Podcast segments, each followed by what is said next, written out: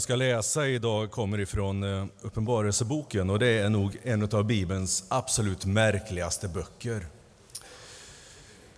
Men ni som läser eh, fantasyböcker, vet ni inte vad fantasyböcker är så läser ni dem förmodligen inte, så jag förklarar inte vad det är. Ni, men ni som läser fantasyböcker, ni kommer kanske, om ni läser Uppenbarelseboken, att känna igen er i bildspråket. Det är kraftfulla bilder som handlar om drakar och änglar, mörker och ljus, liv och död. Oerhört kraftfulla bilder för att man ska förstå en djupare bakgrund. Den som tillskrivs den här boken heter Johannes och var en av Jesu lärjungar, den absolut yngsta utav dem. Man tror att han kanske inte var mer än 16 år när han blev lärjunge till Jesus. När han får sina syner, som Uppenbarelseboken handlar om, så är han en mycket gammal man. Han är den enda av Jesu lärjungar som fortfarande lever. De andra är redan avrättade för sin tro. Petrus, Andreas och Thomas och alla de andra har varit döda i nästan 30 år nu när han får de här synerna. Det är cirka år 90 enligt vår tideräkning. Johannes är landsförvisad och förd i fångenskap till ön Patmos utanför turkiska kusten idag, motsvarande idag alltså Turkiet, i Medelhavet. På fastlandet, över hela det romerska riket, pågår en enorm förföljelse av kristna. Tiotusentals avrättas på uppdrag av den despotiske kejsaren Dominicianus.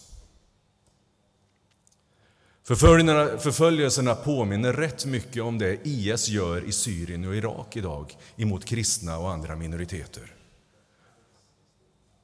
Man avskyr helt enkelt dem. Och situationen var oerhört svår för dem som ville tro på Jesus. Och Det här är kontexten, som det heter med fint ord, alltså sammanhanget där Johannes får sina syner, sina uppenbarelser. Och därför kan man nog säga att Uppenbarelseboken är Bibelns mest politiska skrift. För den är skriven rakt in i ett sammanhang och riktade till människor som upplever, inte upplever, de är förföljda för att ge dem hopp. Och Det är så svårt att förstå de här texterna i Uppenbarelseboken för de har ett sånt rikt bildspråk så man måste kunna hebreiska bilder, man måste kunna eh, grekisk mytologi, man måste kunna så mycket för att förstå vad de egentligen handlar om. Det kräver så mycket förkunskap. Ett litet exempel. Ett citat som kan verka hur oskyldigt som helst. Citatet är Lammet är den som sitter på tronen. Ja, det är utmanande. Men lammet, det är bilden av Jesus. Varför just lammet? Jo, Jesus i berättelserna dör för människans skull, offras för vår skuld. Och bakgrunden är den att så länge templet fanns i Jerusalem så offrade man lamm, syndaoffer för sina synder. Och därför blev Jesus i en bild ett lamm. Och citatet betyder då kort och gott att det är han som gav sitt liv för människorna som sitter på tronen. Det låter ju egentligen inte speciellt utmanande heller om man inte visste en sak till. För att på kejsar Dominicianus tron stod det i text, och texten löd Dominicianus är den som sitter på tronen. Alltså betydelsen Dominicianus är herre, den du ska böja dig under.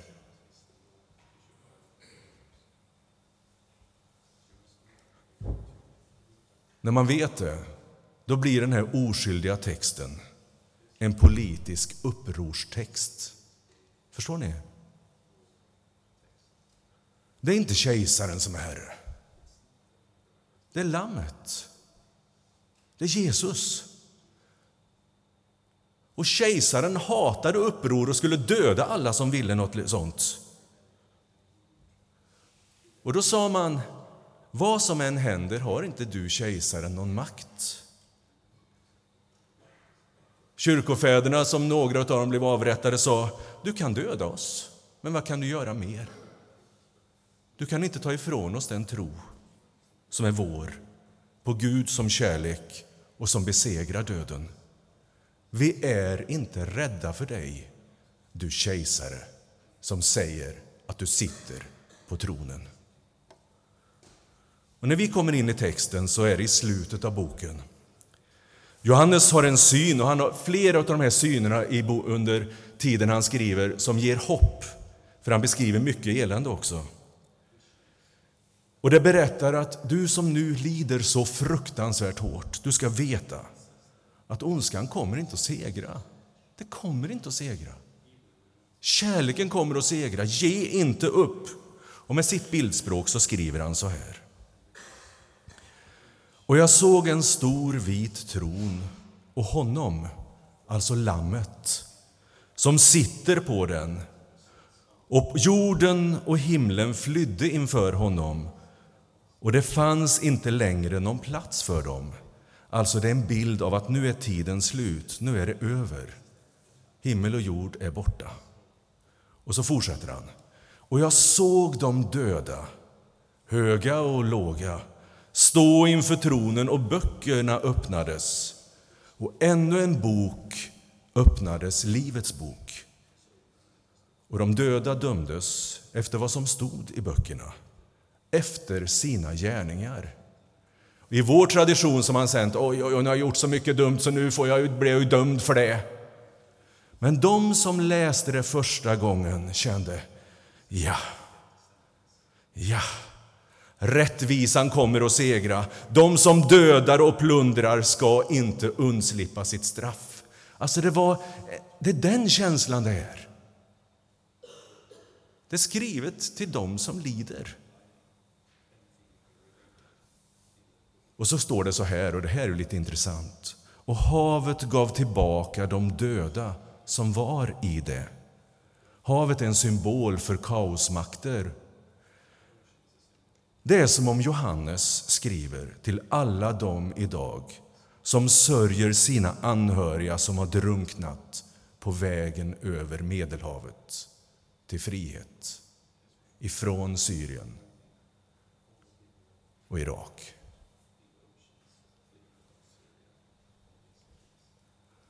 Havet gav tillbaka de döda som var i det. Och väldigt få kan låta bli att tänka på den lille Allan Kurdi liggande i vattenbrynet. Och döden och dödsriket gav tillbaka de döda som var i dem och var och en dömdes efter sina gärningar, säger synen. Och döden och dödsriket kastades i den brinnande sjön. Det betyder för Johannes att döden är inte längre i den framtiden. Du är fri, gode vän. Och så skriver han, detta är den andra döden, den brinnande sjön. Och jag såg en ny himmel och en ny jord, till den första himlen och den första jorden var borta, havet fanns inte mer. Och havet, som jag sa, var alltså en bild av kaosmakter, det är därför inte havet finns. Det som tar våra liv är borta. Det som dödar är borta. Och jag såg den heliga staden, den nya Jerusalem, komma ner ur himlen från Gud redo som en brud smyckad för sin man. Och från tronen hörde jag en stark röst som sa Se, Guds tält står bland människorna. Han ska bo bland dem och de ska vara hans folk. Och Gud själv ska vara hos dem och han ska torka alla tårar från deras ögon. Döden ska inte finnas mer, ingen sorg och ingen klagan och ingen smärta ska finnas mer. Ty det som en gång var är borta. Och han som satt på tronen sa Se, jag gör allting nytt. Och han sa Skriv, ty dessa ord är trovärdiga och sanna. Och han sa till mig Det har skett. Jag är A och O, alltså första bokstaven och sista bokstaven i alfabetet är det som det betyder. Början och slutet. Jag ska låta den som törstar dricka fritt ur källan med livets vatten.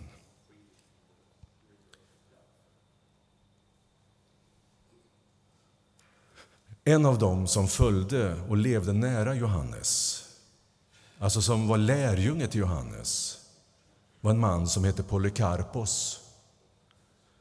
Han drabbades också av förföljelserna. Och när han var gammal så fängslades han. Och man kunde slippa sitt straff genom att förneka sin tro. Men den gamle Polykarpos vägrade att göra det. Då beordrades han av myndigheterna att förneka sin tro.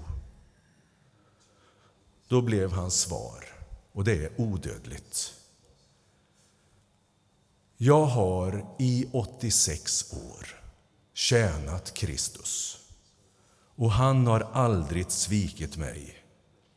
Så varför ska jag nu svika honom? Polykarpos brändes levande på bål. Och det märkliga var att ju fler som dödades, desto större blev kyrkan.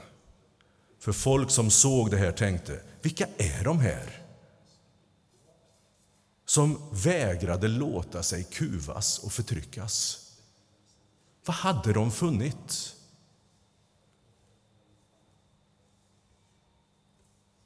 Och då svarar kyrkofäderna, vi har funnit det som gör att man kan stå emot makten. Om ni känner oro inför den värld som är idag så är Uppenbarelsebokens texter ett hopp.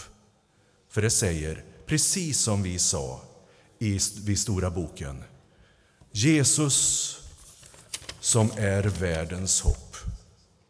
Oavsett vad folk säger så vill han rättvisa, eller denne Gud rättvisa, för alla i världen genom kärlek. För kärleken kommer att segra, för Gud är kärlek.